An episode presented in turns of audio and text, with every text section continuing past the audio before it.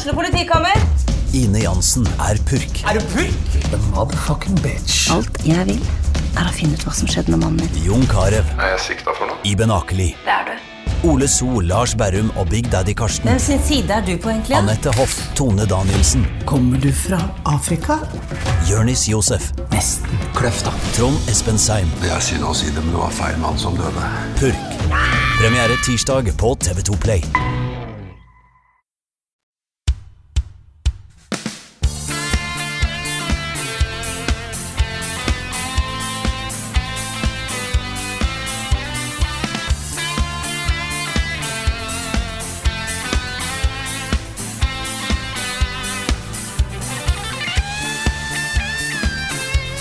Har vi dratt oss fra lokalene på Tilt og inn i vårt vanlige opptaksstudio for en vanlig episode av podkasten Level Backup. Og vi har blitt gjort oppmerksom eh, av eh, lyttere i dag at eh, dette her er episode nummer 420.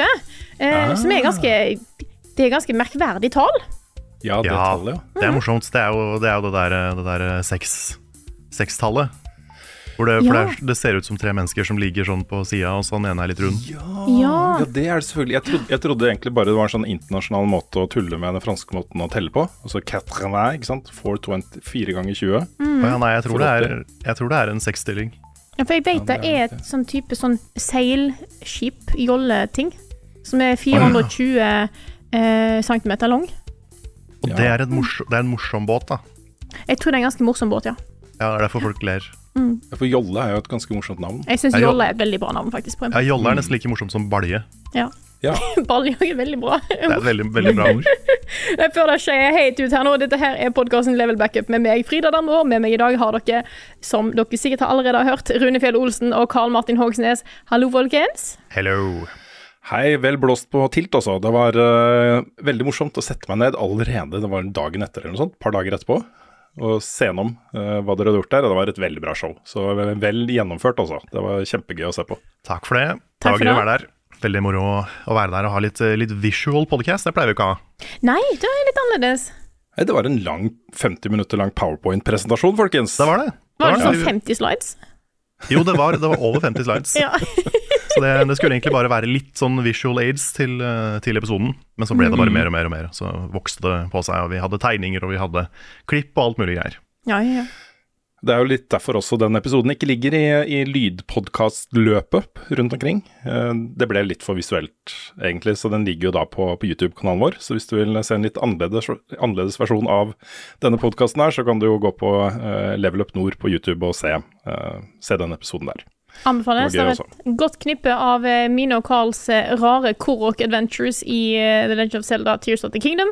Eh, Vi presenterte hver våre helter og bad guys fra eh, plattformspill. Eh, og Carl hadde selvfølgelig sin legendariske quiz, sånn rebus-quiz. Sånn, sånn sekk i ro og sånt, sånn som Ja. vi har hatt før. Som bare er alltid gøy. Mm. Det, er, det var gøy å ha det live for et publikum. Mm. Og jeg er også interessert, forresten, hvis noen ser da denne, denne videoen i opptak, gjerne kommenter hvor mange du tok.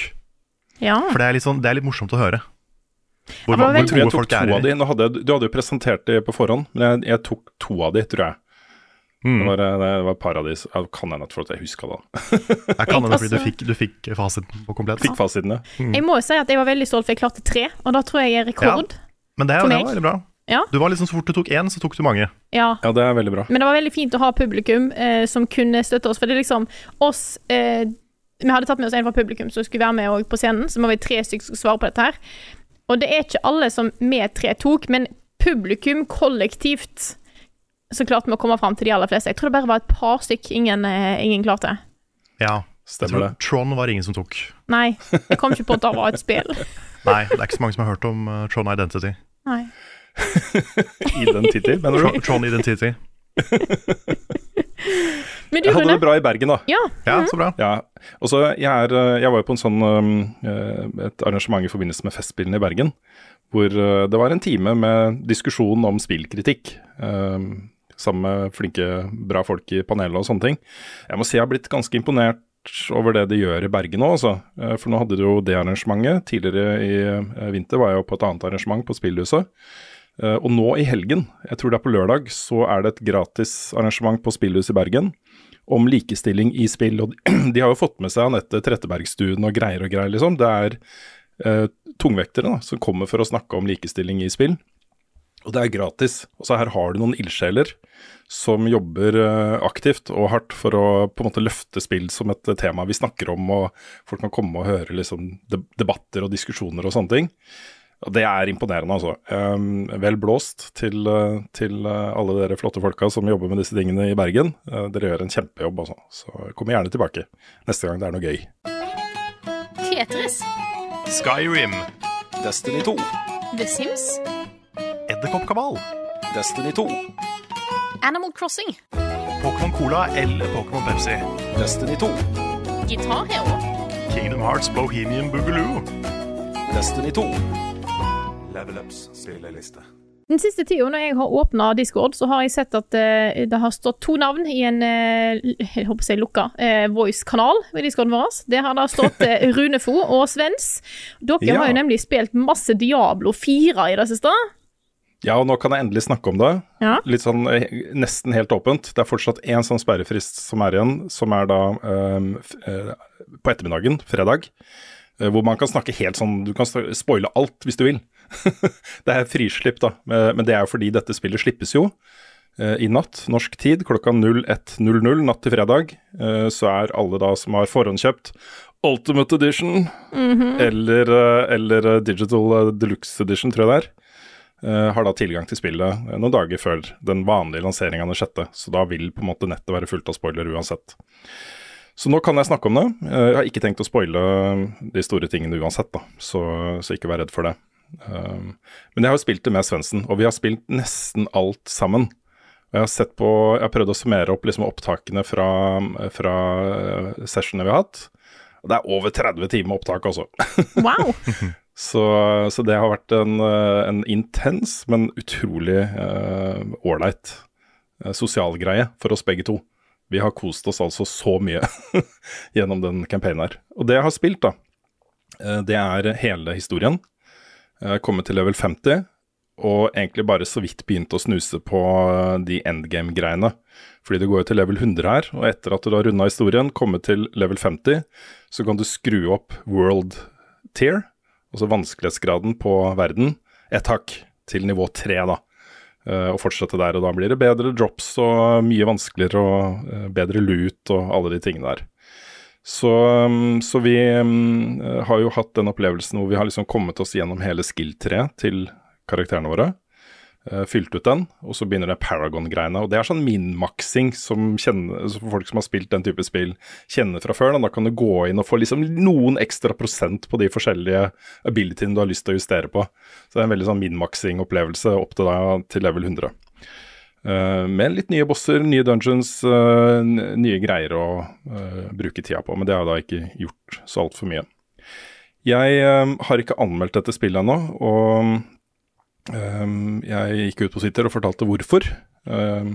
Dette spillet har jo da vært en sånn versjon hvor både Svens og jeg har spilt på en konto opprettet av Blizzard, som, som ikke er vår egen private Battlenet-konto. Og den kontoen ble sletta den 26. mai. Og så Forrige fredag ble den kontoen sletta, så vi har spilt uh, med en deadline. Uh, alt, alt som vi ikke var ferdig med da, ville må, Nå må vi jo starte på nytt. Um, og i tillegg så var denne versjonen uten butikken. Ja. Og vi fikk ganske god informasjon, jeg føler vi fikk ganske god informasjon om hva den butikken kommer til å inneholde. Jeg ble nesten litt sånn overraska over hvor åpne de var på det, for der ligger det videoer hvor de blar seg gjennom shoppen og viser fram de forskjellige tingene. Eh, masse skjermbilder. Eh, de var veldig tydelige på at det bare skal være kosmetikk. Men jeg er ikke helt sikker på hvordan den, eh, det påvirker opplevelsen. Det å ha den derre butikkfanen øverst til enhver tid, og har muligheten til å gå inn. Kanskje de pusher det på en eller annen måte som gjør at du føler deg litt sånn eh, ekstra gira på å bruke de ekstra pengene på å kjøpe det dritkule skinnet som ser mye kulere ut enn det du har på deg fra før. Kanskje de har lagt inn, uten å ha sagt det, muligheten til å kjøpe materialer eller XB Boost. Og hvis det er tilfellet, så, så føler jeg det er ganske alvorlig, da. Eh, vi har jo sett andre spill gjøre akkurat det. Assassin's Creed Valhalla f.eks. hadde jo eh, begge deler, tror jeg. I hvert fall XB-boost. og det i et spill som handler om grind. I et spill som handler om å levele opp karakterer, få tilgang til abilities og skill points. eh, og så starte en ny karakter, eh, en ny bild, en ny klasse. Eh, og hvis den muligheten da, til å få litt fortgang i den levelinga ligger der, så kommer folk til å bruke den. Og Det er en sånn jeg, jeg vil gjerne se helt sikkert at den, de greiene ikke er der, før jeg gir en score, da. Uh, dette er i tillegg, da, de to tingene der, materialer og XB-boost, noe de kan komme til å innføre en uke eller to etter lansering. Så bare vær klar over det, folkens. Jeg er, helt sik jeg er nesten helt sikker på at det kommer også. Um, vi får se, liksom. Nå kommer jo Battle Pass og sånne ting i juli. Det får jeg jo ikke sett før jeg gir en score. Men dette spillet her er så utrolig eh, skredderlagd for mikrotransaksjoner at det er nesten skummelt, altså. Um, det er eh, overalt muligheter da, til å eh, legge på noe økonomi. Liksom sånn, et sånn av økonomi over dette her. Det vet jeg ikke helt hva jeg syns om. Så um, Nei, det er jo typisk det. Altså, etter at alle, anmeldels, alle, alle anmeldelsene er ute, så, Ja. så kommer disse tingene her. Hvert fall love at det da blir en egen sak en oppdatering av anmeldelsen min på NRK, og at også Sven som skal anmelde det, legger ut noe på det. Fordi um, uh, det er vanskelig også å dekke live service-spill. Uh, det er uh, kjempevanskelig. Det var litt sånn som Division 2 også, som etter å ha vært live da i veldig lang tid, innførte de jo et, et system som lignet veldig på det Paragon-systemet i Diablo 4. Hvor du kunne da gå inn og minmakse um, sånn små eh, museskritt videre på forskjellige abilities, ikke sant. Sånn kjempestort kart med, med, med ting som du kunne gjøre etter at det hadde blitt maks level. Da var det jo ikke noen mikrotransaksjoner på det, men det var jo en, en, en ny funksjon da, som på en måte endra litt måten man spilte spillet på. Uh, som ikke hadde blitt fanga opp da i en anmeldelse, ikke sant. Så kan jeg ikke si altfor mye om hva jeg syns ennå, for har, det er mest fordi jeg ikke helt har bestemt meg. Og det har vært, Jeg må, kan jo eh, nevne såpass at vi har hatt eh, mange og lange og veldig gode diskusjoner om hvor bra dette spillet egentlig er, eh, Svens og jeg. Det har vært en kjempespennende reise hvor jeg er jo nykommer, ikke bare til Diablo, men egentlig også til denne typen spill. Um, hvor uh, de versjonene jeg har spilt som har den type skill-trær og progresjonsopplegg, uh, har vært kanskje litt um, eh, enklere. Ikke fullt så avansert som dette her, da. Uh, og Svens er jo en veteran. Han har spilt masse, særlig Diablo 2. Uh, men uh, men han, dette er jo hans jam. Dette er, uh, dette er noe han virkelig, virkelig setter pris på, den type spill. Uh, og det har vært gøy også snakke om hvor hvordan det treffer oss på forskjellige måter. Hvor uh, han har vært utrolig gira for ting som jeg ikke har catcha helt, og jeg har vært gira for ting som han ikke har helt catcha helt. Og så har vi jo noen ganger vært veldig enige om, uh, om f.eks. historien eller uh, uh, hendelser i opplevelsen som, som treffer oss på omtrent samme måte. Men vi har gjort opptak av alt her, og jeg, jeg skal se litt på de opptakene. For jeg har en følelse at det kanskje kan ligge en serie her. Eh, med alle de eh, samtalene og ting vi har diskutert eh, gjennom, gjennom dette spillet. Da. Og så vil jeg jo si at det er på en måte to måter å se på dette spillet. Og den ene er å spille gjennom en, en sånn rollespillhistorie om helvete, liksom. Om demoner og vampyrer og varulver og store slanger og skorp enorme skorpioner og bjørner på kokain. Det er en film som kommer. uh, og sånne ting. For det er, det, det er veldig, veldig sånn der monster theme park, dette her. Uh, med uh, demoner fra helvete og alt mulig rart, da. Eller du kan se det som en, en, en sånn karakterutvikler. hvor målet er å bare bygge en karakter som skal drepe disse monstrene på mest mulig effektiv måte. Eh, og hvor det hele tiden går å bare se på stats og se på gear og se på hvordan på en måte gearet du har kan eh, eh, jobbe med abilityen og satt opp i skill-treet, f.eks. Uh, du kan gå inn og respekke det skill-treet hele tiden, eh, teste ut nye ting, teste forskjellige klasser. Det er, veldig, det er veldig, nesten litt sånn mekanisk måte å spille på, hvor eh, det, alt blir liksom tall og statistikk og, og sånt. Og så er jo målet da å gi deg den følelsen av å komme inn i en dungeon og bare valse over ting. Eh, på veldig sånn brutalt og spektakulært vis, da. Eh, og jeg, jeg liker nok den biten av spillet bedre enn historien, men jeg vil også si at det har vært noen punkter i historien som, som jeg syns traff skikkelig, skikkelig bra. Jeg syns Lilith er en utrolig god antagonist, og uh, uten å si for mye, så har de um, føler jeg da, virkelig virkelig klart å introdusere henne i denne verden på en uh, veldig veldig stilig måte, og særlig mot slutten. Det, vært, det var, en veldig, var en veldig god slutt. Og så er det en annen ting som både Svendsen og jeg har vært veldig enige om gjennom hele veien. Det er nesten litt sånn påtagelig. Hver gang vi kommer til et nytt sted, eller en ny dungeon, eller en ny bosskamp, eller noe sånt, eller noe sånt så har begge to vært sånn Hør på den musikken her, da! Soundtracket i det spillet her er fenomenalt, ass. Det er dritbra. Eh, det, er sånn, det gleder jeg meg til å bare høre på, eh, faktisk. For der er det også så mange utrolig stilige låter som passer dødsbra til dette spillet her. Og da slo det meg litt, egentlig, hvor bra det året her har vært for nettopp det. Hvor du har uh, Planet of Lana, er kanskje mitt favoritt-soundtrack. det soundtracket er også så nydelig. Uh, Dredge med masse bra musikk. Uh, Zelda, selvfølgelig. Mm. Utrolig flott soundtrack. Chia. Chia. ja. Star Wars, Jedi Survivor. Bramble. Det har vært veldig mange veldig gode spill-soundtracks i år. Uh, og dette er et av de klart beste også. Det, det, det, blir en morsom kategori på Level Up Awards senere i år, tror jeg. Mm. Så men nå gleder jeg meg da til å sette meg ned med det spillet igjen, og det gjør jeg faktisk. Uh, jeg får tilgang da klokka ett i natt, og det planlegger å ta en time eller to før jeg tar uh, senga. Um, og skal plan... Altså målet mitt Uh, vi snakka litt om det i går, Svense og jeg. Uh, jeg kom med et forslag som han syntes hørtes ganske uh, spennende ut. Siden vi allerede har kjørt oss opp til level 50 på liksom tier, World Tier 2, hva om da vi bare kjører oss opp til gjennom historien på den laveste vanskelighetsgraden, og det er lett også, folkens. Det er, det er nesten sånn det er, Jeg vil si det er et sånt klassisk easy mode, hvor du kan nesten uansett hvordan du bygger karakteren, og sånt, bare fise deg gjennom ting. Det er veldig enkelt, selv for nykommere. Det er ikke noe, ikke noe å stresse med, liksom. Uh, mens Tier 2 hadde vi en del utfordringer innimellom. Vi døde av og til. Uh, men vi har vurdert da, bare starte en ny karakter. World Tier 1. Fise oss gjennom historien, og så begynne å teste ut uh, flere av de der endgame-greiene i World Tier 3 da, sammen. Så vi skal prøve å få til det i helgen før vi skriver liksom siste ord i anmeldelsene vi jobber med, begge to.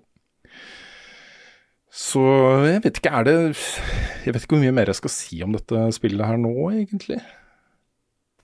Nei. Det, vi får jo se, nå, nå eh, er det jo Når er det resten, håper jeg, de som ikke har forhåndsbestilt en fancy edition, får tilgang? det er 6. 6. juni. Ja. Det er sikkert samme tidspunkt, sikkert klokka ett på natta norsk tid. Natt til da tirsdag blir vel det, tror jeg. Tror jeg, ja. ja. Um, jeg syns sånn tidlig tilgang er litt sånn teit. Ja, jeg synes, hele den greia er litt teit. Ja. Mm. Du, du, blir veldig oppfordra til å bruke de hundrelappene ekstra for de versjonene som gir deg tilgang til det.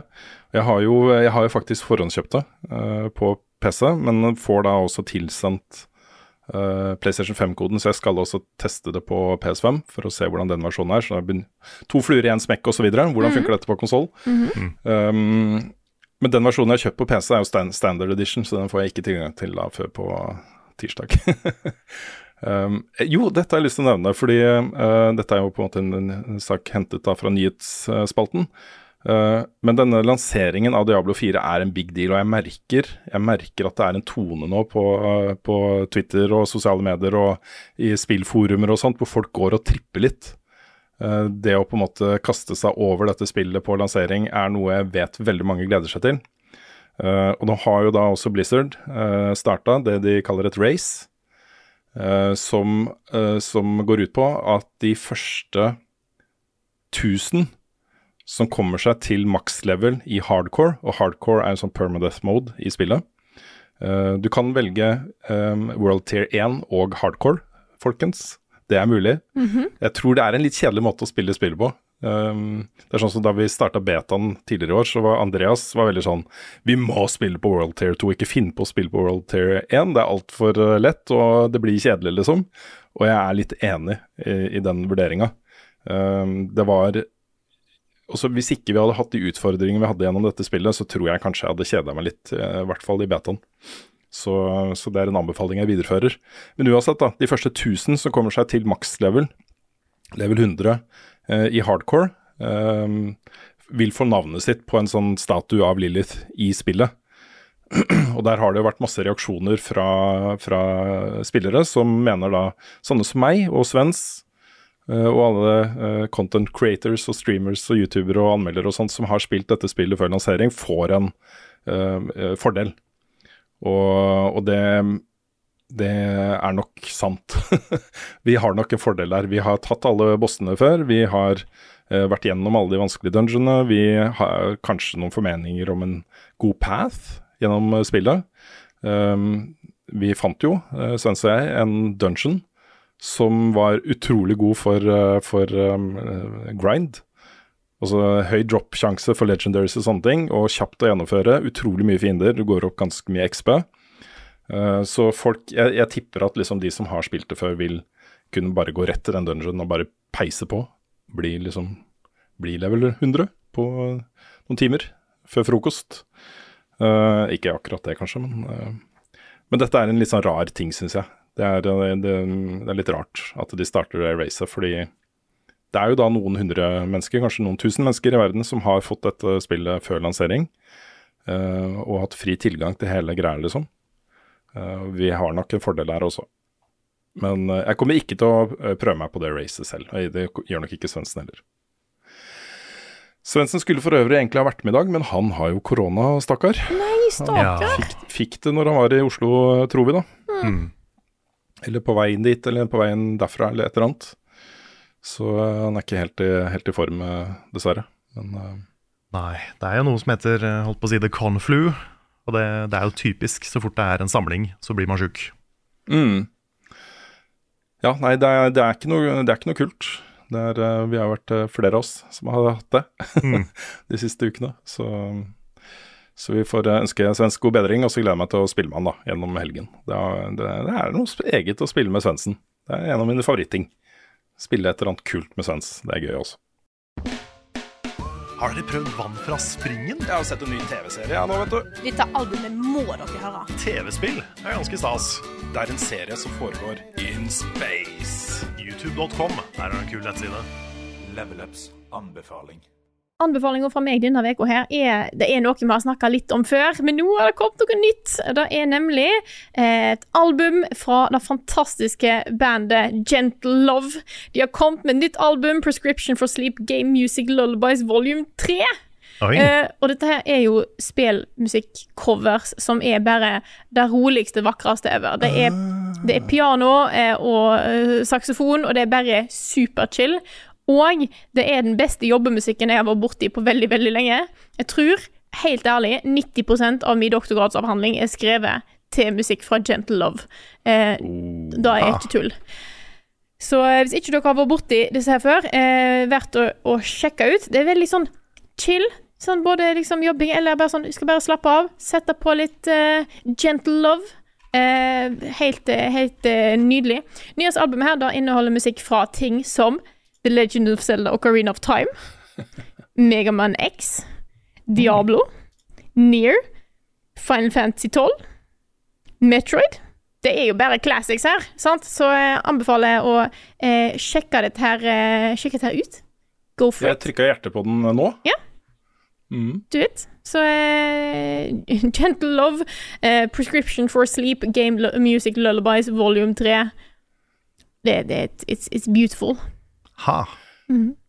Siden du først har en musikkanbefaling, kan jeg også komme med bare en liten en? Kort en? Fordi det jeg har hørt på de siste, siste par ukene, det er det nye albumet til uh, The National. Som uh, Jeg skal bare uh, google hva det heter, for den, uh, det er sånne ting jeg ikke husker når jeg bare sitter og hører på det. Mm. Um, det heter First Two Pages of Frankenstein, heter albumet. Det er veldig, veldig chill uh, uh, alternativ uh, indie, indie rock-folk som er sjangeren. og The National er jo et veldig Hva skal vi si Kjent og tradisjonsrikt band. Det har holdt på i mange år og har mange, mange fans. jeg er litt ny til The National. Jeg har ikke hørt så mye på det før. Eh, men det er særlig én låt da som var inngangen min til dette albumet, som gjorde at jeg har begynt å høre masse på det. Og det er et, eh, en låt som heter eh, Tropic Morning News. Så hvis du har lyst til å skjønne litt mer hvorfor jeg liker dette her, så bare hør på den. Den er umiddelbart bare sånn ekstremt fengende, altså. Den viste Så- du til meg for noe lite stund sånn, tror jeg. Ja, det stemmer det, Frida. Ja, det den var Jeg veldig kul. vurdert å ha Ja, den er utrolig bra, den låta, altså.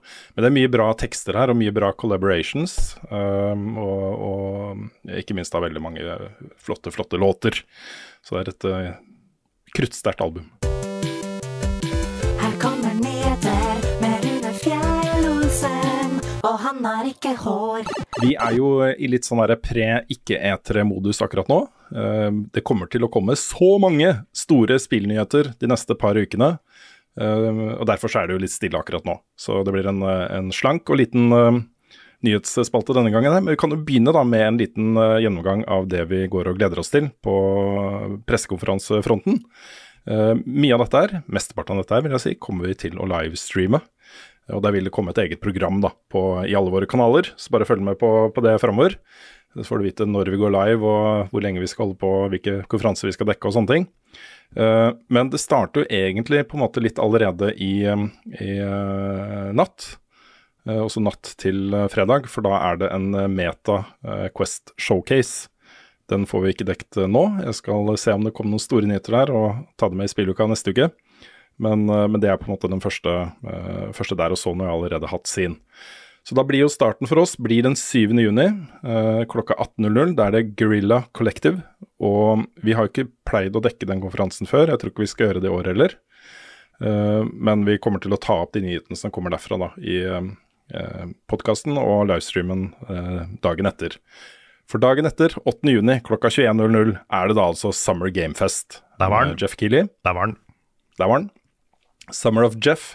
To timer med spillavdukinger og eh, nye trailere fra ting vi kjenner fra før. Der har jo Jeff Keeley vært ute og sagt at det er en fire-fem store store nyheter som skal bli sluppet i løpet av den pressekonferansen. Eh, og som vanlig, et av de må jo være Bloodborne 2, eller eh, Bloodborne Remake. Yeah. Nå er vi i gang igjen. Det er i gang igjen. Every time. Rett etter Summer Gamefest er det, er det, er det etter en sånn Day of the Devs, heter det. Hvor eh, det har hendt at det kommer litt nyheter der også. Eh, vi har ikke pleid å dekke det, men det kan tenkes at den står på i bakgrunnen eh, etter pressekonferansen, så får vi se da om det, om det skjer noe spennende der. Som regel er det ting som har blitt vist fram på Summer Game Fest, med utviklere som sitter og snakker litt mer da, og viser fram litt mer av noen av de spillene som ble vist fram. Litt mer sånn dypdykk i enkeltspill. Ja, fordi vi kommer til å være live da, uansett. Fordi ett minutt over midnatt, da natt til 9. juni, så er det Devolver Direct. Hey, nice. Det, det, det er jo, pleier å være et kjempehøydepunkt. Det er jo sånn derre eh, eget narrativ, en egen historie som går fra da pressekonferanse til pressekonferanse. Bruker masse energi på å lage historie og gærne greier. Og ikke minst, da, så har jo Devolver blitt en uh, ordentlig sånn tungvekter inn i indiespill. De har nå veldig mange av uh, de aller beste indiespillene uh, som er der ute. Og ikke bare de tingene de starta med, litt sånn ultravoldelige, eh, sære greier, men også ting som treffer litt bredere. nå. Så, så den, det- jeg gleder meg faktisk veldig til den. Jeg tror du kan ha noen skikkelig, skikkelig bra spill eh, å vise fram også. Den 10. juni eh, klokka 18.00 er det Holsome Direct, Carl. Det er det, vet du. Jeg gleder meg. Kommer til å være 40 farming-spill, og jeg er klar for alle sammen. Yeah. Eh, 19.00, altså en time seinere, Future Games Show. Um, der også pleier å komme en del nyheter også, så jeg tenker at vi kanskje bare kjører begge de to i år. Vi har ikke snakka om det, men uh, jeg foreslår det. Ja. Og så da, 11. juni klokka 19.00, Xbox Games Showcase. Der går det jo masse rykter nå. De har begynt å tease ting på sine sosiale medier. En av de greiene de har teasa med, er det noen som mener er Psychonauts 3 de hinter til. What? Er det det? Mm, ja. Ha. Eh, en annen ting er det de hører litt musikk og litt sånn eh, eh, sånne Stardust, eller sånn Fairy Dust-greier fra, fra Fable. Så her har du da to, to mulige ting de kommer til å vise fram der, som begge deler er sånn av med T-skjorta, flagre i studio-type ting. Det første jeg tenker med saken hos 3, det er sånn Jeg håper det går bra med de. Ja. Etter å ha, etter å ha sett hele den dokumentaren om saken hos 2. Ja. Jeg skjønner. sånn, Orker de det her? Går det bra? Mm. Are, are you okay? ja. Jeg håper det, ja. Jeg håper de har litt mer kontroll nå. Mm. Rett etter Xbox eh, Games Showcase så vil det også være en egen Starfield Direct. Den skal vi vel også eh, dekke på et eller annet vis, tenker jeg. Eh, Samme dag, klokka 22.00, eh, kanskje ikke etter deres store høydepunkt, PC Gaming Show. For det pleier aldri å være kjedelig eller langdrygt Nei, nei, nei. i det hele tatt. Nei, det var ett år. Det var kjempebra. Og etter det året så har vi alltid håpa at det skulle bli kjempebra igjen. Men så har det ikke egentlig vært det. Så det har vært, det har vært veldig mye veldig sånn små ting, og veldig mye prat. Og veldig sånn langt og tørt og Så, så det, er ikke, det er ikke det mest spennende konferansen. Jeg er glad i Day Nine, liksom. Det er ikke det jeg sier. Men mm. ja.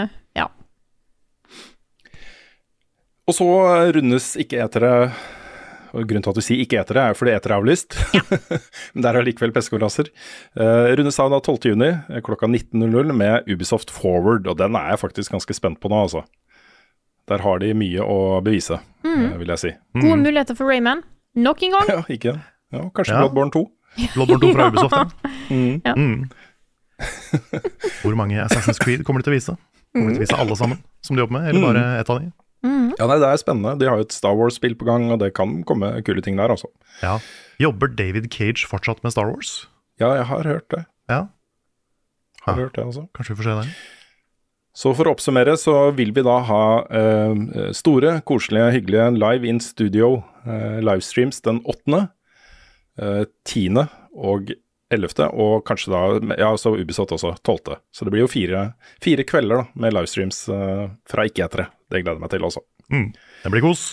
Mm. Og apropos kos, Uh, Bobby Kotick Det var en overgang. med, ja, Ja. gjort et intervju med Variety, og det er viktig å, å, når, når på en måte vi har kommet med så mye kritikk av Activision og Blizzard, eh, og Activision Blizzard på arbeidsforhold, og det har kommet masse varslersaker om seksuell trakassering, om eh, diskriminering, om eh, elendige arbeidsforhold osv.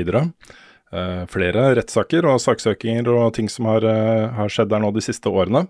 Så er det viktig å få motparten også eh, få lov til å uttale seg. Og Bobby Kotick sier da til Variety Vi har gjennomført alle mulige former av etterforsking, og vi hadde ikke et, hadde ikke et systemisk problem med trakassering ever. Vi hadde ikke noe av det som var feilkarakterisering rapportert av media. Men det vi hadde, var en veldig aggressiv arbeiderbevegelse som jobbet hardt for å destabilisere selskapet. Wow. Å, kan da- han gå og bare Å, oh, herregud, da. Det er jo ikke noen, det er ikke noen tvil om at Bobby Kotick er en dick. Altså, det er jo lydbevis og videre. Det, det, er jo ikke, det er ikke noe å lure på. Nei, Nei. Men altså åh, jeg, hadde, mm, Jeg- jeg- jeg hadde ikke fått med meg jeg den saken her. Jeg, var veldig, og, jeg, var, jeg hadde ikke fått med meg at han har vært ute og snakka. Og du nevnte forkant at det var noe med Bobby Kotick, men det er litt sånn han, det er, jeg, blir, jeg blir ikke overraska, men jeg blir litt sånn Men faen, da. Mm. Hver gang han uttaler seg om noe. Nei, det er, det er veldig Jeg syns dette her er uh, nesten litt sånn Tonedøvt. Ja, altså ikke Ja. bare tonedøft. men Det har, det, det har det på en måte vært hele veien. Og selv når på en måte de, de endra litt tonen, da. fordi i starten så var det jo dette som var budskapet fra Kotik og co.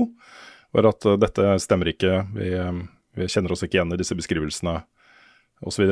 Uh, men så er det nok noen advokater og et eller annet som hadde bedt dem om å eh, endre formuleringene sine litt, så det har vært på en måte en litt annen tone.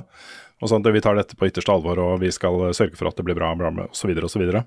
Men dette er jo på en måte Nå får vi jo vite da, hva han egentlig mener om disse tingene her, um, egentlig. Mm. Og i tillegg legge skylda på arbeiderne. Det er en eh, Det er damning, ass.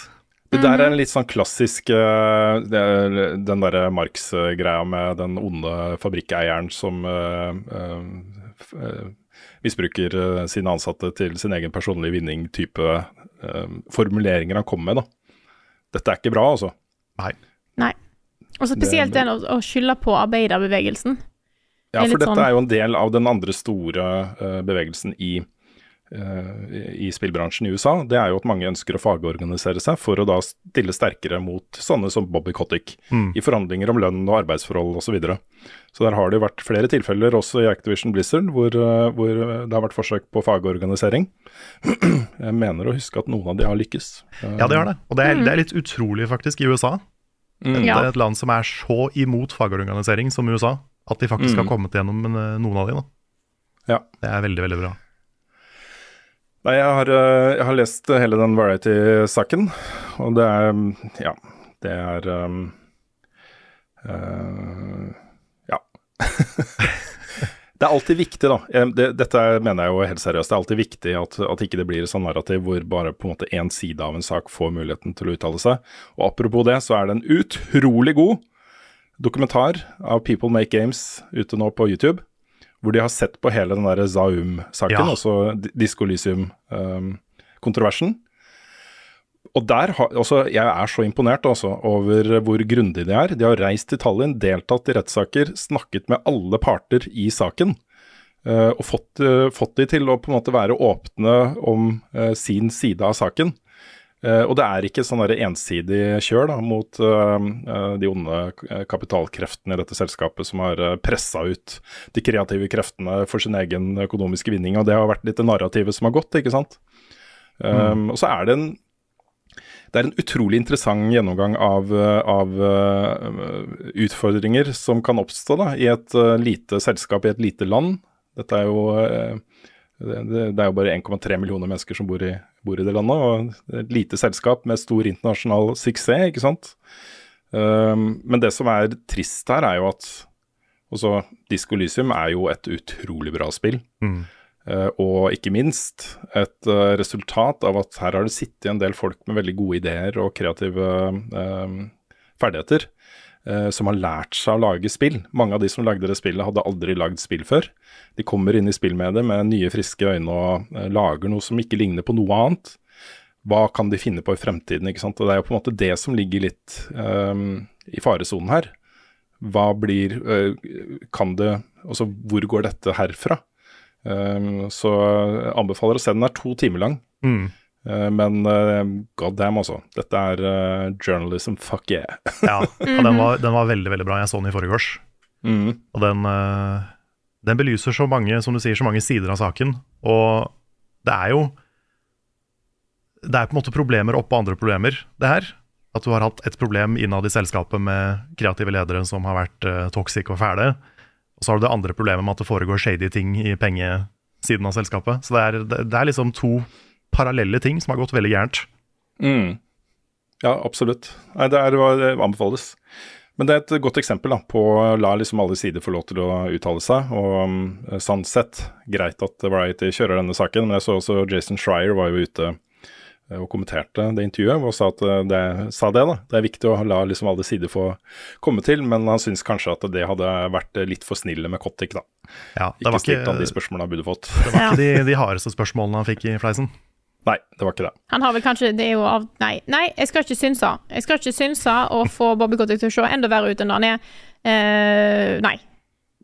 Men Variety er jo det store bransjebladet for underholdningsindustrien i USA. Eh, Den dekker jo film og TV og musikk og spill og alt, liksom. Eh, Og har vel inntrykk av at det ikke er de som stiller de mest kritiske spørsmålene uansett. Også det er litt en sånn derre eh, Også Activision og Blizzard, og Activision Blizzard som helhet, er jo en kjempeaktør i, amerikansk underholdningsbransje. Og det å på en måte la sjefene i disse selskapene få lov til å få spalteplass, er en ganske normal ting i Variety.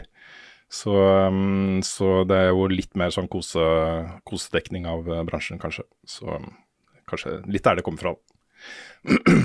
Ja, jeg, jeg Anyway. skulle til å si at han, det kan jo være at han har sagt ja til et sånt intervju fordi at det ikke kommer de kritiske spørsmålene, da. Helt Helt, sikkert. Helt sikkert. Eh, Det, det, det er også det vanlig, det skjer over hele verden, at uh, man ønsker å snakke med en veldig stor personlighet. Om det er en president eller om det er en toppsjef for et selskap eller et eller annet. Da kommer det ofte krav, og noen velger jo å gå med på de kravene uh, for å få den, den tilgangen, da, mens andre velger å takke nei. Ok, Ratchet Clank Rift Apart kommer til PC 26. Er ikke det litt rart at jeg ikke var med i, i PlayStation Showcase? Ja, Det kommer, nyheten kommer liksom rett etterpå. Ja, men det er sikkert uh, jeg, vet ikke, kanskje, liksom PlayStation-spill kommer på PC er noe de helst ikke vil ha med i sånne? Fordi da selger de på en måte ikke PlayStation lenger? Nei, jeg vet ikke, altså. Men dette her det- Altså, den pressemeldingen er jo Bruker ord som jeg liker, da. Støtte, full støtte, native støtte, også i cutscenes for ultrawide, f.eks. Helt opp til tre monitorer. um, og liksom alle de der PC bells and whistles-greiene som, eh, som jo jeg er glad i. Det er eh, kult. Så jeg gleder meg faktisk ja, til en ny runde, runde i det spillet. Det, det gjør jeg. 26. juli på denne også. Og så er det jo eh, et veldig sånn koseevent som pågår akkurat nå. Og hvis du eh, hører denne podkasten da på fredag, så har du et par dager til på deg til å få med deg de største høydepunktene fra dette eventet. Og det er jo da også det er Summer Games Don't Quick. Livestreaming-eventet, som er da to ganger i året. Um, som, som har gått hele uka, og som skal runde seg da natt til, til søndag. Mye høydepunkter der, Carl. Det er det. Jeg har, jeg har ikke sett på like mye nå som jeg har pleid å gjøre. Det har jo pleid å være midt på sommeren, mens nå er det en eh, måned eller to tidligere enn det pleier. Så eh, jeg har vært litt, litt opptatt med andre ting. Men eh, jeg fikk med meg Sonic Adventure i går. Det var veldig bra. oi. Det var, det var kjempegøy. Jeg føler liksom Sonic-spill er perfekte for et sånt event, så det er alltid gøy å få med seg Sonic-blokka. Eh, ellers så har det vært alt fra Peggle til uh, Elder Scrolls til alt mulig. Mm. Så jeg har, eh, jeg har fått med meg det mest eh, spennende for meg. Så det er verdt å, verdt å titte innom hvis man er nysgjerrig på speedrunning og vil eh, støtte en god sak. Og det, det er det jo alltid, en god sak. Mm. Opptil flere Zelda-spill også, men ikke, ikke Tales of the Kingdom. Nei, det, kom, det er litt for nytt. De har sånn cutoff-dato, gjerne noen, eh, noen måneder slash halvt år i forveien. Så Breath of the Wild skal speedrunnes, tror jeg, med bind for øynene. Ja. Ja. Uh, men ikke, ikke Tales of the Kingdom. Jeg så, en, eh, jeg så ikke hele, da. Jeg skumma meg gjennom eh, det som er den nåværende eh, verdensrekorden i, i Tales of the Kingdom. Det er under en time Ja. nå. Eh, det er veldig kjedelig å se på, syns jeg. Det er ja, men det er litt sånn, Ja. det er sånn som at jeg syns at Det er jo sånn som Elden Ring ble. Elden Ring er gøy hvis det er glitchless Mm. speedruns, liksom. Det er noe med det. Når, når speedrunner bare handler om å exploite bugs, på en måte, mm. Så blir det mindre gøy å se på. Jeg havna en gang inn ja, jeg havna en gang inn på en Animal Crossing originalspillet eh, speedrun. Og tenkte OK, kult, la meg sjekke dette her. Og da sånn, ja, De bare skyndte seg gjennom de første minuttene, eh, og så skrev de koder inn i, eh, inn i en meny. Og så fikk de det de trengte, og så vant de. Ja, for det er litt sånn her også. Det er en sånn der duplication glitch i Tears of the Kingdom. Som, som den speedrunneren her, da. Jeg vet ikke helt hvem det var. Alt, han han snakka ikke. Det var, det var kanskje det som gjorde det litt kjedelig å se på også. Eh, Det var bare masse chat fra Twitch og sånt. Eh, Men eh, med en gang han hadde mulighet til å ha fått noe som, som var bra å duplisere, så gjorde han bare det, da. Så fikk jo masse rubiner. eh, Sånn, og da mista jeg litt interessen for speedrunner. Ja, jeg Må jeg innrømme. Mm. Men eh, det hadde vært veldig gøy å sette en glitchless. det hadde vært kult altså. fordi da, da, må, da må du, tror jeg, da, ha ganske vanvittige skills for å få til det kjapt. Mm. Ja, det kommer nok. Tipper de har en Mm. glitchless eh, speedrun til neste gang. Mm. Neste gang jeg skal gå og ta siste boss, for jeg har fortsatt ikke gjort det, jeg driver fortsatt og koser meg rundt og gjør uh, hyggeting, så skal jeg prøve å eksperimentere litt med noe et eller annet sånn protection-konstruksjon av et eller annet. Jeg har sett folk uh, angripe enemy camps Mm. med sånn her hvor de bygger et lite hus, Ja. og så har de masse flammekastere og sånn inn i huset. Og så bare bokser de inn alle fiendene, og så går de. Torturkammer. Ja, det er det. torturkammer. Mm.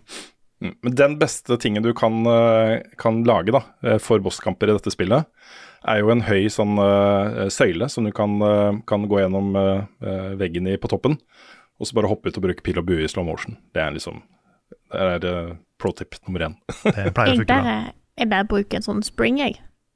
Sånn der Ja, spring, også spring også er smart. Ja. Det er også smart, selvfølgelig. Men før Kanskje bare Nei, sorry. jeg bare fortsett, fortsett, du. Ok, nei, før, før jeg skjønte at jeg kunne bruke springs, så tok jeg det tipset du får et sted i spillet, hvor du, du kan lage et bål. Altså, jeg, jeg plasserte noe wood på bakken, skøyt det med en flammepil, og så kasta jeg kongler på bålet, for da flyr de opp i lufta. Ja. Og det var sånn jeg tok liksom noen av de, de vanskeligste world-bossene. Da følte jeg meg veldig kul. Nice. Mm. Det var mye lettere å bruke springs, skjønte jeg etter hvert, men, eh, men det var litt kult å liksom være med ballstrats. Ja. Mm. Firebender, liksom. Mm.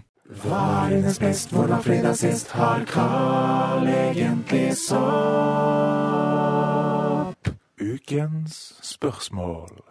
Vi har fått en drøss med spørsmål når det kommer til spillet The Lord of the Rings. Gollum. Vi har fått spørsmål om vi skal anmelde det. Eh, vi har fått spørsmål her blant annet fra Peksal som spør hvorfor snakker ingen om Gollum. Hørte det bli slakta? Martin Herfjord som spør hva syns dere om at spill som Gollum og Redfall, Redfall gis ut til en pris av 600 kroner? Det er åpenbart uferdige spill, eller spill med objektivt lav kvalitet. Er det greit å gi ut et så dårlig produkt til den prisen, og så heller la etterspørselen tale for seg sjøl, eller er det uetisk? Og for de som ikke har fått det med seg, eh, Lord of the Rings Gollum kom ut eh, ganske nylig, eh, og får eh, slakt, rett og slett. Det er, det er ikke et bra spill. Virker det som, på, på alle punkt. Jeg har ikke spilt det sjøl, så jeg kan bare gjengi det jeg på en måte har sett blitt skrevet om det, men det virker som at eh, ingenting helt er som det skal. Nei, jeg har sett, eh, sett litt sånn extended gameplay fra det. Og det er ting i det spillet som er bra. Sånn level-designet er ikke så verst, og det er jo visuelt Nå er jeg ikke så veldig glad i den versjonen av Gollum de har, men, men jeg syns spillet ser sånn generelt ok ut, utenom eh, modellen til Gollum, da. Ja, fordi han har ansiktet til Peter Parker i Spiderman. Det, det stemmer. Det, det nye ansiktet til Peter Parker. Eh, men det er, jeg tror det er et sånt klassisk tilfelle av et spill der hvor veldig mange gjorde veldig mye. Mye bra arbeid, liksom, individuelt sett, men så ble det satt sammen, og så funka det ikke. Mm. Dette er jo også et godt eksempel på, på et eh, spill vi velger å ikke bruke tid på. Eh, nå var det jo sånn at da det kom ut um, Det har stått på prioriteringslisten våre. Det har vært et spill vi skulle anmelde. Men da det kom, så fikk vi jo ikke kode før lansering. Uh, og så kommer den bølgen av, uh, av veldig negative tilbakemeldinger, ikke bare fra anmeldere, men fra spillere og brukerscores og alt mulig rart. Ikke at vi sitter og slavisk følger det, altså. Eh, men eh, i kombinasjon med at vi så faktisk eh, hvordan dette spillet var, så ble det vanskelig å prioritere det når vi satt til, til halsen i, i Diablo og Zelda og, og andre ting. Så det å da velge å prioritere, og så vite at vi går inn i anmeldelse med at dette er ikke spesielt bra, vi kommer nok mest sannsynlig til å gi det en ganske lav score. Uh, dette er et spill som kommer til å bli glemt veldig fort. Uh, ikke sånn historisk superviktig at vi får anmeldt det. Um, men samtidig så er det jo spill vi gjerne skulle anmeldt, uansett. Det er Lord of the Rings, en kjent merkevare. Folk har gledet seg til det. Kanskje noen ikke har fått med seg alle anmeldelsene og venta på at vi skal komme med dommen vår. og um, ikke kommet av noen dom, og så har de gått og kjøpt det, og så har de blitt veldig skuffa. Så i en perfekt verden eh, så hadde vi eh, anmeldt dette spillet, og burde vi anmeldt dette spillet. Det ville jeg jo få sagt. Nå har jo utviklerne sjøl gått ut med sånn beklagelsespost. Eh, der, de eh, der de beklager for på en måte at, det ikke, at The Lord of Ring, Gollum, ikke når Ja. helt opp til forventningene hos folk. Det er, eh, det er litt trist å ha typo på navnet på spillet sitt. Det er litt rart. Ja, er To litt rart. typos i én tittel. Ja, to typos. The Lord of Ring. Mm. Men da, da er vi jo litt tilbake til eh, Martin Eifjords spørsmål også, fordi ehm, vi, vi kan jo ikke gå og kreve at alle spill som gis ut er dritbra. Uh, og det at noen har gått og gledet seg til dette spillet, er jo ikke betyr jo ikke automatisk at det spillet må være bra. Og sånn, sånn er det ikke noen underholdningsformer. Folk tar betalt for dritt overalt. Uh, og og uh, det er jo sånn en risk du tar, da. Også selv spill som får gode anmeldelser, kan det hende at du ikke liker det. Mm. Da har du brukt de pengene. Uh, og det er jo på en måte en risk man tar, da. Og så blir det jo ekstra ille selvfølgelig når spillet er full pris. Eh, de 600 kronene kunne du ha brukt på noe annet. Eh, litt lettere å kanskje akseptere det hvis det er et GamePass-spill, eller det har kosta 200 kroner eller 119 eller et eller annet, liksom. Men, ehm, men dette har jo oppført seg som et fullpris Triple A-spill. Masse og- marketing. Det har da Mm. gått mye Altså, de har, jo- de har jo vist det fram på, på store show, hvis jeg husker rett.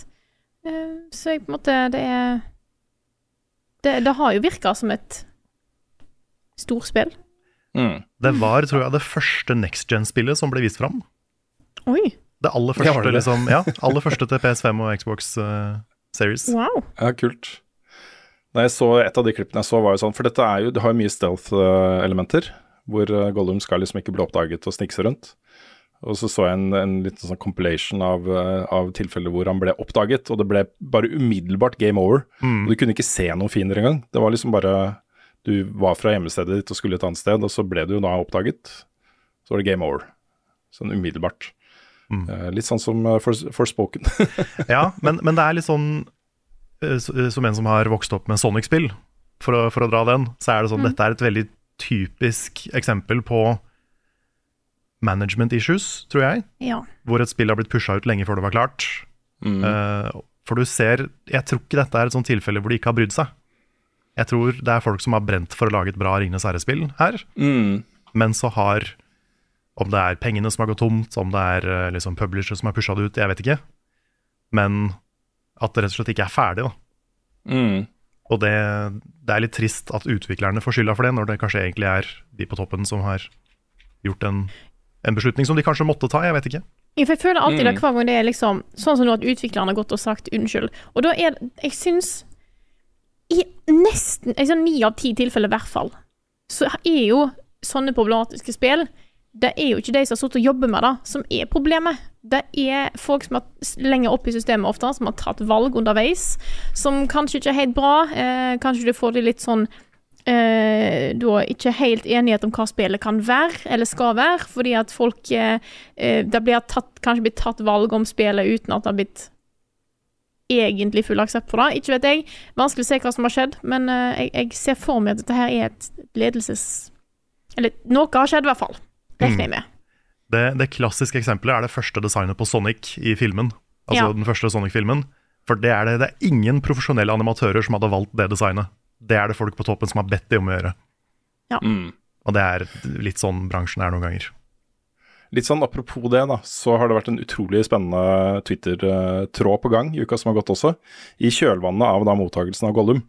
Uh, og mange spillutviklere er jo ute og sier at, eh, at uh, eh, utviklere bør ikke gå ut og beklage for at noe er dårlig. Ting, noen ganger er ting bare dårlig, liksom, og de har ikke en altså, De har jo en forpliktelse til å lage det beste spillet de eh, kan få lagd, men eh, noen ganger så går jo ikke det. og Eh, sånn er det, liksom.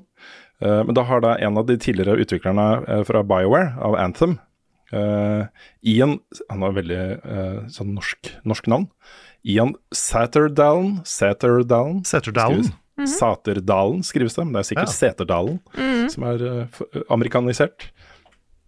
Eh, som jobbet eh, som, eh, som Jeg tror han var game director, tror jeg kanskje det var. Eller var han bare utvikler? Ja, uansett.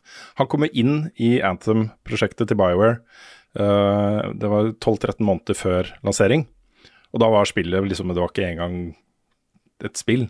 Så på 12-13 måneder så lagde de da dette spillet, som endte opp med å bli slakta og hadde store, store problemer. Men han går liksom litt i dybden på hva som gikk galt der. Og en av de tingene som jeg syns var interessant eh, med det han snakka om, han snakker veldig fritt, så fritt at jeg håper han ikke får advokater på, på nakken. Uh, Men han sa jo De begynte jo uh, snuoperasjonen i BioWare. Altså de satte seg ned et team uh, for å fikse Anthem, og hadde kommet ganske langt i det som internt liksom gikk for å være Anthem 2, eller 2.0. Også en versjon av Anthem som faktisk var gøy å spille, og det sier han da. At det de hadde liksom på maskinene sine var gøy å spille, og den versjonen av Anthem som de egentlig burde ha lagd i utgangspunktet.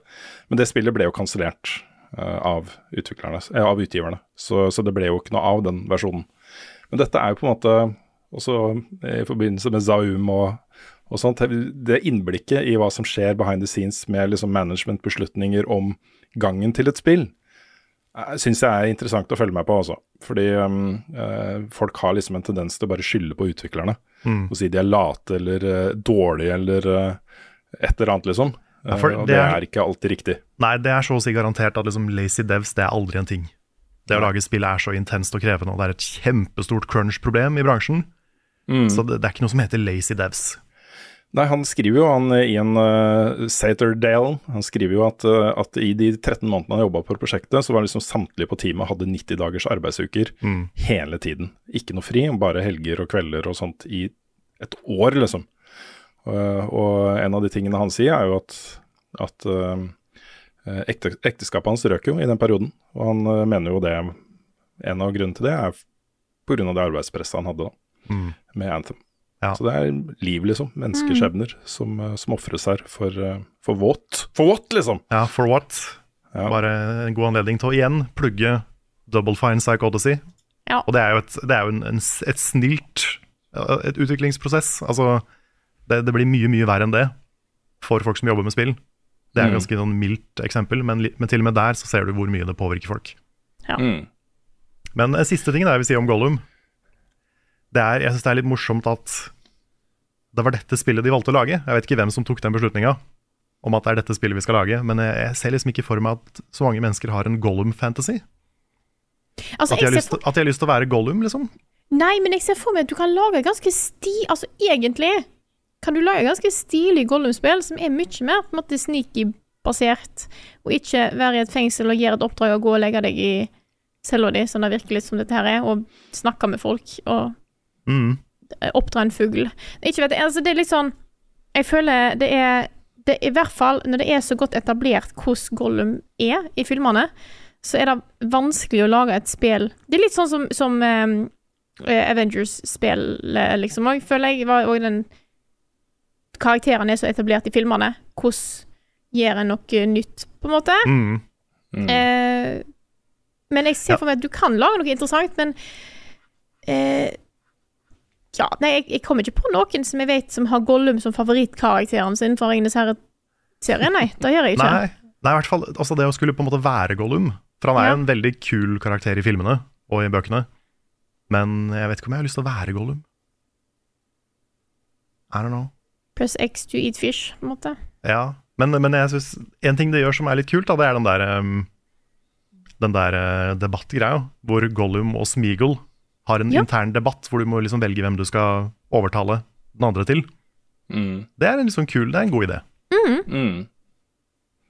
Og jeg elsker også den der muligheten til å eh, bruke mer penger på å kjøpe nye animasjoner og sånt til Gollum. Det syns Ja. jeg var Ja, veldig bra. Og det er at du kan betale enda mer for å få korrekt språk. ja, Ja. Du kan unlocke Elvish. Ja, Mm. med betaling. Ja, det er noe av det rareste jeg har hørt om. fint. Nei, det er Jeg føler helt klart at på en måte, prioritering av hva spill vi skal anmelde, der faller her inn. Måte, er det god bruk av tida vår? Og akkurat her så er det kanskje ikke det. Det kunne, vært, altså, det kunne jo blitt en morsom video, det er jo ikke det det Mhm. går på, men uh, Jeg angrer jo ikke på at jeg valgte å anmelde Planet of Lana istedenfor uh, Gollum. Nei, Jeg gjør ikke det. nei, den ser jeg. Jeg angrer ikke på at jeg prioriterte Selda. Nei, ikke sant. skal vi ta et uh, nytt spørsmål? Mm. Har du et, Rune? Ja, jeg har lyst til å bare ta et fra Jon Magnus Restad. Det blir mye selv der, men uh, det er jo litt naturlig. Eh, så spør da, hva tror dere Nintendo gjør med neste store Zelda-spill? Tror dere Tears of the Kingdom er nummer to i en trilo... Tri han skriver triologi, han skriver triologi faktisk. Eller blir det noe helt nytt? Hva ønsker dere at neste Zelda skal være etter braksuksessen med de to foregående spillene? Der har jo Nintendo vært ute og sagt at Tears of the Kingdom og Breath of the Wild er blueprinten for Zelda i, i tiden framover. Jeg tipper at det nok kommer til å komme mer lineære ting, kanskje litt sånn spin-off-ting og remakes og sånne ting. Men det neste store mainline Selda-spillet sier det jo selv kommer til å følge opp eh, designprinsippene fra disse to spillene. Det ble jeg jo glad for å se. Ja, jeg lurer på hva det betyr, da. Betyr det at Ja. vi får Ultrahand igjen, liksom? Mm. Fordi det har jeg kost meg med. Jeg har bytta det ut. eh, De flytta jo på en måte mange av de abilityene du hadde i Breath of the Wild til mer sånn standard uh, features som var i rollefiguren, med måten å bruke bomber på og sånne ting. Det kunne være kombinasjon av kaste bomber og bruke pil med bomber og, og sånt istedenfor å ha en bombe som en ability. Uh, og så erstatta det da med en del nye, uh, nye funksjoner. Um, jeg tipper nok at de kommer til å ha en kombinasjon fortsatt. Jeg tror Ultrahand og, og Fusion er Det er jo litt for fett. Ja, det er, sånn, det er nesten for kult å gå vekk fra. Mm. Men jeg tror ikke jeg, jeg klarer ikke å se for meg at de bruker samme Hyrule igjen. Nei, det tror jeg ikke. For nå har de på en måte Nå vet jeg ikke hvor de skulle expanda det. Under vann, liksom, er kanskje det eneste de ikke har gjort. Fjerde dimensjon, go! Ja, at vi kjører Dark World. Ja. Ja, Men de har en mulighet her, da. Uh, uten at jeg, jeg skal ikke spoile for mye av det, men de har en mulighet her til å uh, bruke uh, historien i Breath of the Wild og Tears of the Kingdom som et utgangspunkt til en mer sammenhengende uh, canon. Eh, for nå er det liksom, Du må gjette litt hvor Zelda-spillene foregår i timeline og sånne ting. Men det er jo elementer i særlig Tears hvor du får vite litt om, om, om hvor Hyrule starta. Altså starten på Hyrule. Uh, og når de har gjort det i spillet, så kan du på en måte hente elementer fra Tears og Breath, men lage en helt ny setting, en helt annen tidsalder i Hyrule. Uh, men hvor man på en måte kanskje har noen elementer da, fra, fra de opplevelsene vi har hatt nå. Det syns jeg er en spennende mulighet, som jeg nok kanskje gjetter de kommer til å benytte seg av. Mm. Det, er, eh, det virker for meg som om de De liker å legge inn referanser til de andre Zelda-spillene. Men at Breath of the Wild og Tears of the Kingdom er på en måte en ny start. De, du, du kan prøve å plassere det i timelinen, men det er vanskelig. Yes. Nei, vi får uh, får se. Jeg merker, jeg, jeg satt og spilte litt uh, Zelda i går, og så satt jeg og tenkte Nå har jeg blitt veldig vant til denne versjonen av Link. Jeg er veldig spent på, på en måte, hva de gjør der. For jeg føler hver gang jeg har blitt vant med å spille et Zelda-spill, og så går jeg videre til neste, og sånn, å, å, han, OK, han ser sånn ut nå. Greit. Jeg merka da jeg gikk tilbake til Skyward Sword nettopp, og sånn, å, du, han så litt rar ut, tror jeg, den linken i Skyward Sword. Ja, Han er litt sånn duf, Dufus i Skyward Ja. Sword. Og så jeg, for jeg liker så veldig godt linken i, i Breath of the Wild og Tears of the Kingdom, så jeg tror da å gå vekk fra den link-versjonen da blir vanskelig. Mm. For meg. Det går jo fint, du venner deg til det, men jeg bare kom til å tenke på det i går. Ja, men det er et godt spørsmål. da Kommer de til å bytte, bytte visuell stil igjen? Mm. For de gjør jo ofte det. Ja. Ja, jeg tipper nok at det neste Zelda-spillet blir til den neste konsollen til eh, Nintendo. ja, det tror jeg. Um, også det neste ja, det nye, helt nye. Mm. Så kanskje, kanskje det åpner opp for muligheten til noe litt sånn Unreal Engine 5-lignende greier, for eksempel. Mer datakraft. Mm. Maybe. Jeg eh, tar et eh, spørsmål til jeg. Mm -hmm. Kjør på. Det starter Zelda-relatert, men det er ikke nødvendigvis da. Det er fra Chaus, som skriver Måten Tears of the Kingdom starter på, at man begynner med fullt utstyr, masse hjerte og stamina, og så blir fratatt nesten alt om å begynne på nytt, er noe jeg har sett i mange spill. Fins et navn eller begrep for denne måten å innlede et spill på? Og hvis ikke, vet dere om et begrep? Kan dere finne på et? Dette er jo the classic. Oh boy!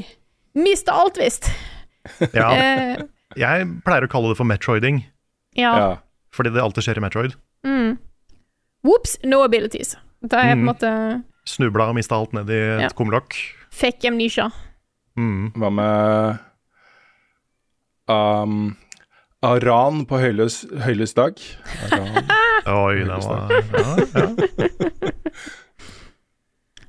Ja, nei, det er, det er jo en ting som er vanlig, og jeg forstår jo hvorfor det blir brukt. For du kan ikke Det er vanskelig å starte med absolutt alt, for da bare fiser du igjennom. Da får du en power creep. Mm. For da må du bli enda større igjen, og det er på en måte Ja. litt sånn rart.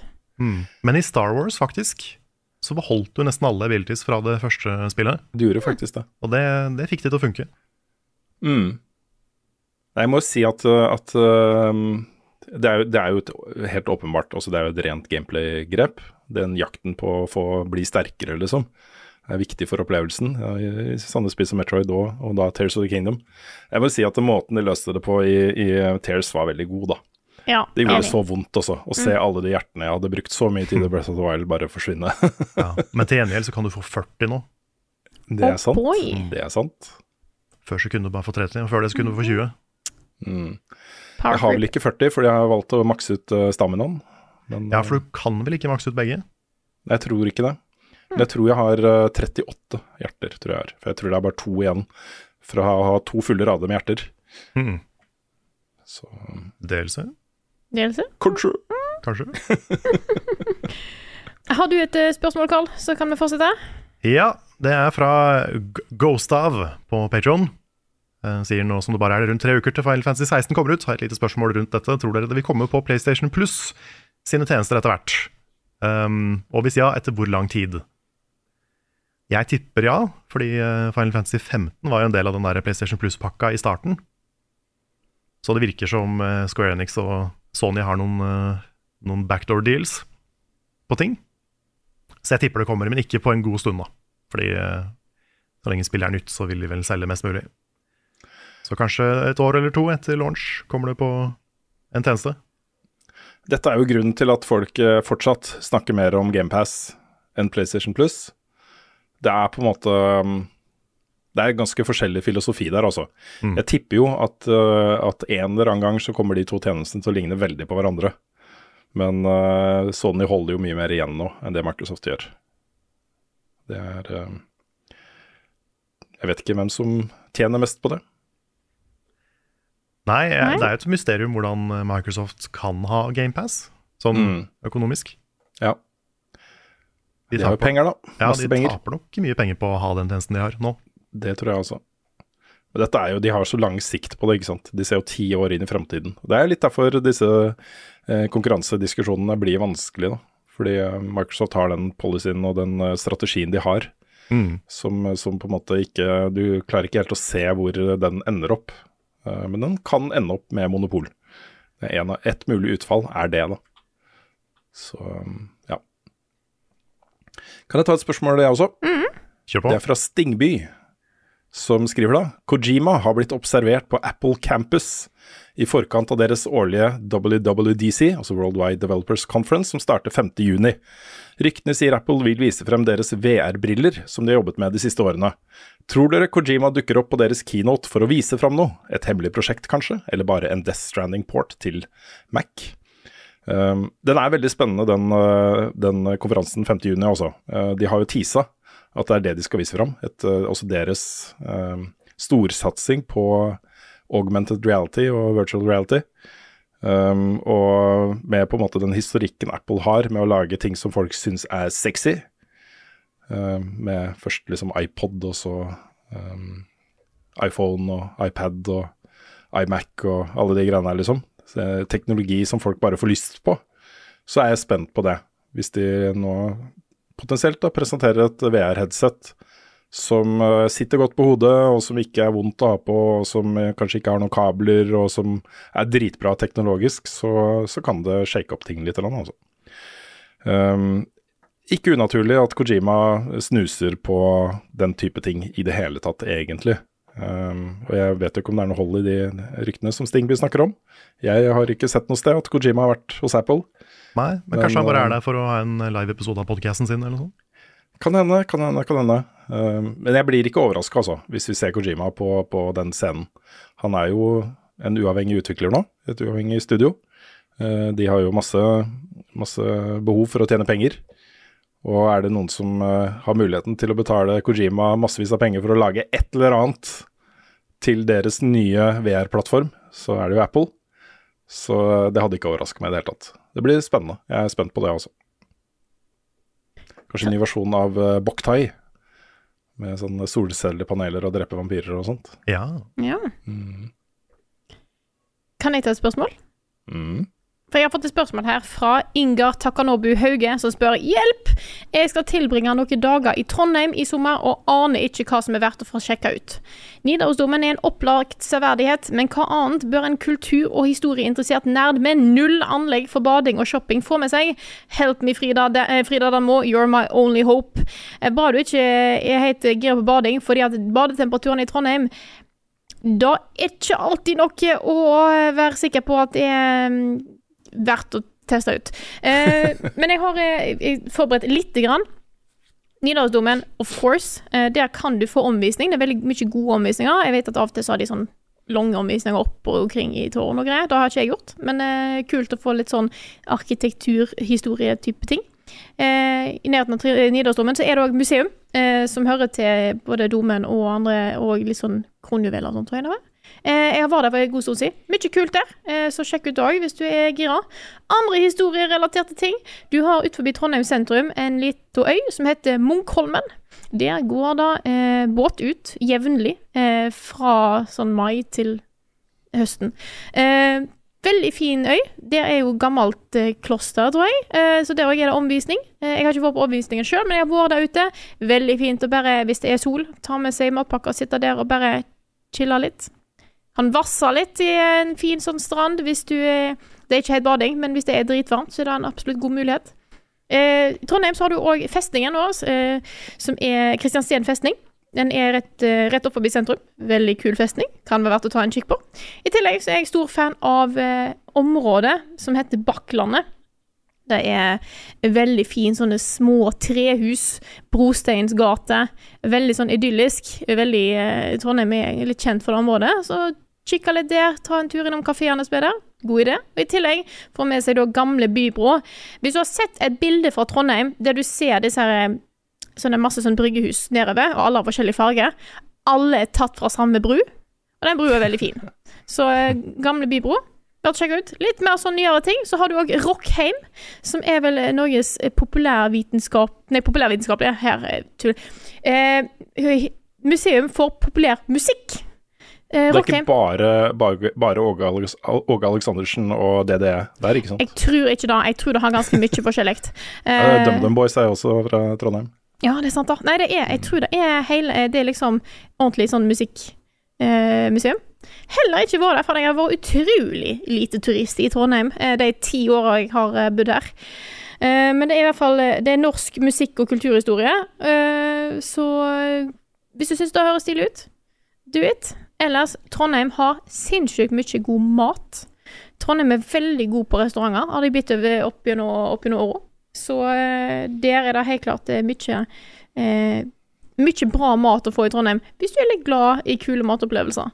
Eh, bare ta, eh, I stedet for at jeg skal ramse opp masse greier, hvis du er interessert, bare eh, let me know, så kan jeg komme med et forslag i, til sånt. Det er Ja, men beste restaurant i Trondheim, Å, Frida? Go. restaurant? Shit. Uh, kuleste matopplevelse? Buland Neo Bistro. Men det er sånn tastingmeny. Elsker det. Mm. Så da, den, den er, det er en dritstilig restaurant. Uh, det, det er liksom inni et smug i Trondheim. De har en ganske kule takes på, på ting. De er veldig sånn helt klart dritflinke i å lage mat. Eh, men de, de, de gjør det på en eh, annen måte. Jeg tror jeg hadde noe sånn tomatramen. Den var knallgod, hvis jeg husker rett. Og så fikk jeg òg Det var en rett som var en, et, et kjærlighetsbrev til pølser på skjell. Eh, og da var det jo fancy sånn eh, blodpølse i lite, lite lompe, og du fikk med masse skål med forskjellig relish du kunne ha på. Masse, mye stilig, men nydelig mat der. Men det er litt sånn Da, da er jo en sånn eh, tastingmeny eh, litt mer en opplevelse, kanskje mer enn nå skal jeg bare gå ut og spise litt. Um, ellers er jeg stor fan av eh, ja, Frida. Meksikansk restaurant som heter Frida. Den er helt eh, knall. Mm. Så eh, Yes. Det spørs litt hva du er interessert i, rett og slett. Kanskje gå inn og ta en kopp eh, kaffe på WorkWork, WorkWork, og på Jotunheim kan du ta en er- energidrikk, kanskje? Jotunheim har jo òg bar, det samme har jo WorkWork. -work. Der er det jo flipperspill, så det òg eh, kan være gøy å få med seg. Mm. Så Jeg får litt lyst til å legge på litt sånn der trist, eh, melankolsk musikk bak alt dette her, for du skal jo flytte fra Trondheim, eh, Frida. jeg skal da. Mm, Alt dette skal du forlate. Jeg skal, da, nei, jeg skal nok tilbake innimellom òg. Det er alltid ting som drar meg til Trondheim, tror jeg. Jeg eh, får nok alltid en anledning, men det er, det er litt rart å flytte over. Nå har jeg vært her i snart ti år. Mm. Eh, men jeg har vært mest student og minst turist, tror jeg. Så sånn, er- sånn er det nå bare. Mm. Det var en eh, kjapp turistguide til Trondheim. Eh, Ja, jeg så for Ja. meg å legge på sånn der eh, reise, sånn der uh, musikk. ja. Sånn der rolig, sånn der Opplev den fantastiske så, Ja. sånn rolig, sånn fin, behagelig musikk under. Yes, nei, da, eh, da gir jeg eh, spørsmålet videre til eh, neste person. Carl, har du et uh, liggende? Vi har tatt alle mine. Alle dine? Da, da kan jeg avslutte med en uh, diskusjonssak her, da. Ok? Mhm. Det er fra Jonas Aspdal Jacobsen. Hva er det beste potetgullet? Og han skriver òg Og hvorfor er det oransje Pringles? Jeg er uenig i at det er oransje Pringles. Eh, men hva er Mm. det beste potetgullet? Ehm, jeg skal bare finne Nå fins jo ikke Delivio lenger, men det syns jeg var kjempegodt. Mm. Nå er det kanskje Moro ost og løk for meg. Oh. Eller den derre Bondens ost og løk. Som Men de har ost og Rema. løk generelt, da? Ja, det er veldig godt. Hvis det er riktig løk og riktig ost. Mm. Ja, for jeg er generelt fan av paprikachips. Jeg kommer alltid tilbake igjen til paprika. Mm. Ja, det er eh, baseline chips, er det for Mm. meg. Men nå har jo Kims kommet med en ny en som heter Paprika Kick. Den var veldig god. Særlig med dipp. Den er veldig god med dipp. Mm. Så, eh, Min- så ja. akkurat, akkurat nå Enten den eller Kims Mexican Fiesta. Ja, den Den- er også veldig Den er knall. Mm. Min favoritt er en som er litt vanskelig å få tak i, dessverre, men det er noen butikker som fører den. Det er en uh, som heter Tyrells Sweet Chili and Red Pepper. Den er utrolig god. Det er den du tar med deg på fest, er det ikke det? Jepp. Ja, stemmer. Hvor får ja, du kjøpt den, den siden den er vanskelig å få tak i? Nei, eh, de har den på eh, På Coop, har jeg sett den. De har den på Deli de Luca. eh, og på Meny, tror jeg kanskje. Mm. Men eh, jeg har liksom ikke de, de, de har den ikke på Kiwi, de har den ikke på Rema 1000. Men Som er jeg det har sånn, fått med, i hvert fall. hvis jeg er sånn Coop Mega, da, som har liksom Ja, mer Coop ting. Mega, Ja. Coop Mega tror jeg det er. Ja. Ja. Er Den, den er også så god. Uh, og det, det var jo en periode hvor den, da den kom til Norge, så var det bare uh, Deli de Luca som hadde den. Og jeg var sånn, jeg, ja da, Jeg dro dit for å, bare for å kjøpe chips. Jeg gjorde det også. Jeg skulle visst dette her før, for jeg var på Coop Mega før i dag. Da skulle jeg sett etter dette her. Ja. Ja. Hmm. Men da, da vet jeg da hva jeg skal se til neste gang. Ja, nå er det sånn at eh, For jeg, jeg, jeg går liksom ikke og oppsøker den. Jeg drar ikke over hele Oslo for å finne det potetgullet. Nå er det sånn at hvis jeg er et sted hvor de har den, så kjøper jeg gjerne tre-fire poser, bare sånn at jeg har stokker opp. Mm. Det er sånn som jeg er med, med Burn Zero Sugar Peach. Ja. Den eh, kan jeg leite, leite gjennom byen etter. Mm. Men jeg gjentar også Tyrells Sweet Chili and Red Pepper. Den er eh, megagod. Er den, er den veldig spicy, siden det er chili? Nei, den har litt kick, men den er litt søt også, liksom. Ja. Altså, den har, eh, den eh, har en sånn flott kombinasjon av, eh, av litt kick, men, men søt. Nice. Da, da vet dere hva dere skal ut og kjøpe for å kose dere nå i helga. Eh, men da tror jeg vi runder podkasten, gjør vi ikke det? Mm. Høres det bra ut. Dette her er podkasten Level Backup, utgitt av moderne media. Låten i introen og outroen er skrevet av Ole Sønnik Larsen og arrangert og framført av Kyoshu Orkestra. Og vignettene er lagd av fantastiske Martin Herfjord, som skal ha en stor takk for at han eh, spilte vakker musikk for oss eh, på Tiltcast. Han var jo live. Eh, liveband eh, på Tiltcast. Bra innsats. Eh, good shit. Bra jobba. Den, vers den versjonen av Level Up-team han spilte der, var veldig veldig kul. Mm. Ja, han har sendt den til oss før, så jeg har den eh, som lydfil her. Ja, nice. Mm. Den vil vi bruke i flere anledninger, for den var dritkul. Yes. Mm. Eh, innholdet vårt, inkludert de nyeste anmeldelsene våre. Nå kommer jo nettopp en ny anmeldelse av System Shock fra Andreas, blant annet. Det Det gjorde er det. en utrolig god video, og Mm. det er eh, altså han er eh, Jeg blir så imponert, altså. Uh, han har liksom aldri anmeldt spill før, kommer inn til oss og har blitt liksom en av Norges beste anmeldere på null komma niks. Det er eh, innmari bra video. Innmari bra video av et utrolig viktig spill i, i, i, spillhistorien. Dette ble jo lansert først i 94 og er et av de mest toneangivende spillene noensinne, liksom. Og det at dere lagde en ny versjon av det Jeg, var, jeg koste meg sammen med videoen, altså. Kjempebra. Så eh, ja, sj- sjekk ut eh, anmeldelsene våre der. Og eh, på twitch.tv det. Kan du gjerne eh, følge oss der, for da får du varsel når vi går live til E3, f.eks. Eh, en annen plass du får varsel når vi går live, er på discorden vår. Den finner du link til på discord.gg. Så bare bli med der og eh, ta del i praten om spill og andre ting som, eh, som skjer der inne. Og hvis du syns at det vi gjør er bra og gøy, og vil støtte oss, så kan du gjøre det på patreon.com slash levelupnorge. Der eh, tar vi imot eh, eh, backing i all, eh, all mulig størrelse. Ingen eh, med, Uansett, eh, vi setter pris på dere alle, uansett hvor mye eller lite dere støtter oss med. Fordi uten dere kunne vi ikke gjort dette her, vet du. Så tusen, tusen takk skal dere ha. Tusen takk. Og med det så hadde dere kanskje forventa at jeg skulle si nå snakkes vi igjen neste uke. Men nå tar jeg litt pause igjen, jeg, faktisk. Jeg vet at det var, det var, det var hjerteskjærende da jeg var vekke en liten stund i, i vår. Og nå forsvinner jeg litt igjen, faktisk. Men eh, litt kortere eh, opphold eh, den gangen her. Eh, så jeg eh, skal jo fullføre doktorgraden min nå, og nå trenger jeg bare en liten, liten break for å gjøre siste biten. Så tre uker pause er planen, ish. Så kommer jeg tilbake igjen som doktor. Forhåpentligvis. Herregud. Åh, hjelp. Du skal disputere, og eh, vi, vi tar turen opp, vi, vet du.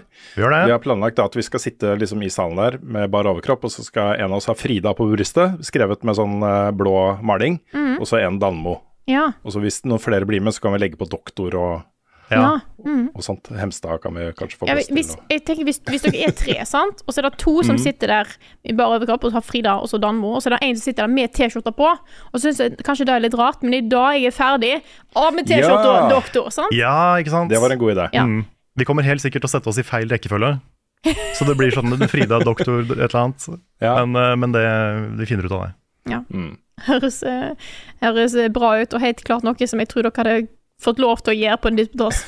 Mm.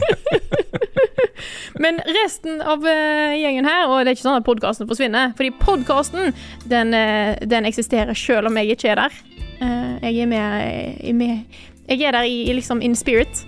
Så Jeg kan i hvert fall tease, tease med at neste uke så, så regner jeg med at Svens er uh, ute av covid-tåka. Da blir det full nerding på hva vi faktisk syns om det spillet. Så det, blir, det gleder jeg meg til. Det blir gøy. Diablo, altså. Mhm. Yeah. Mm. Så resten av gjengen her, og podkasten Level Backup, hører dere igjen neste uke.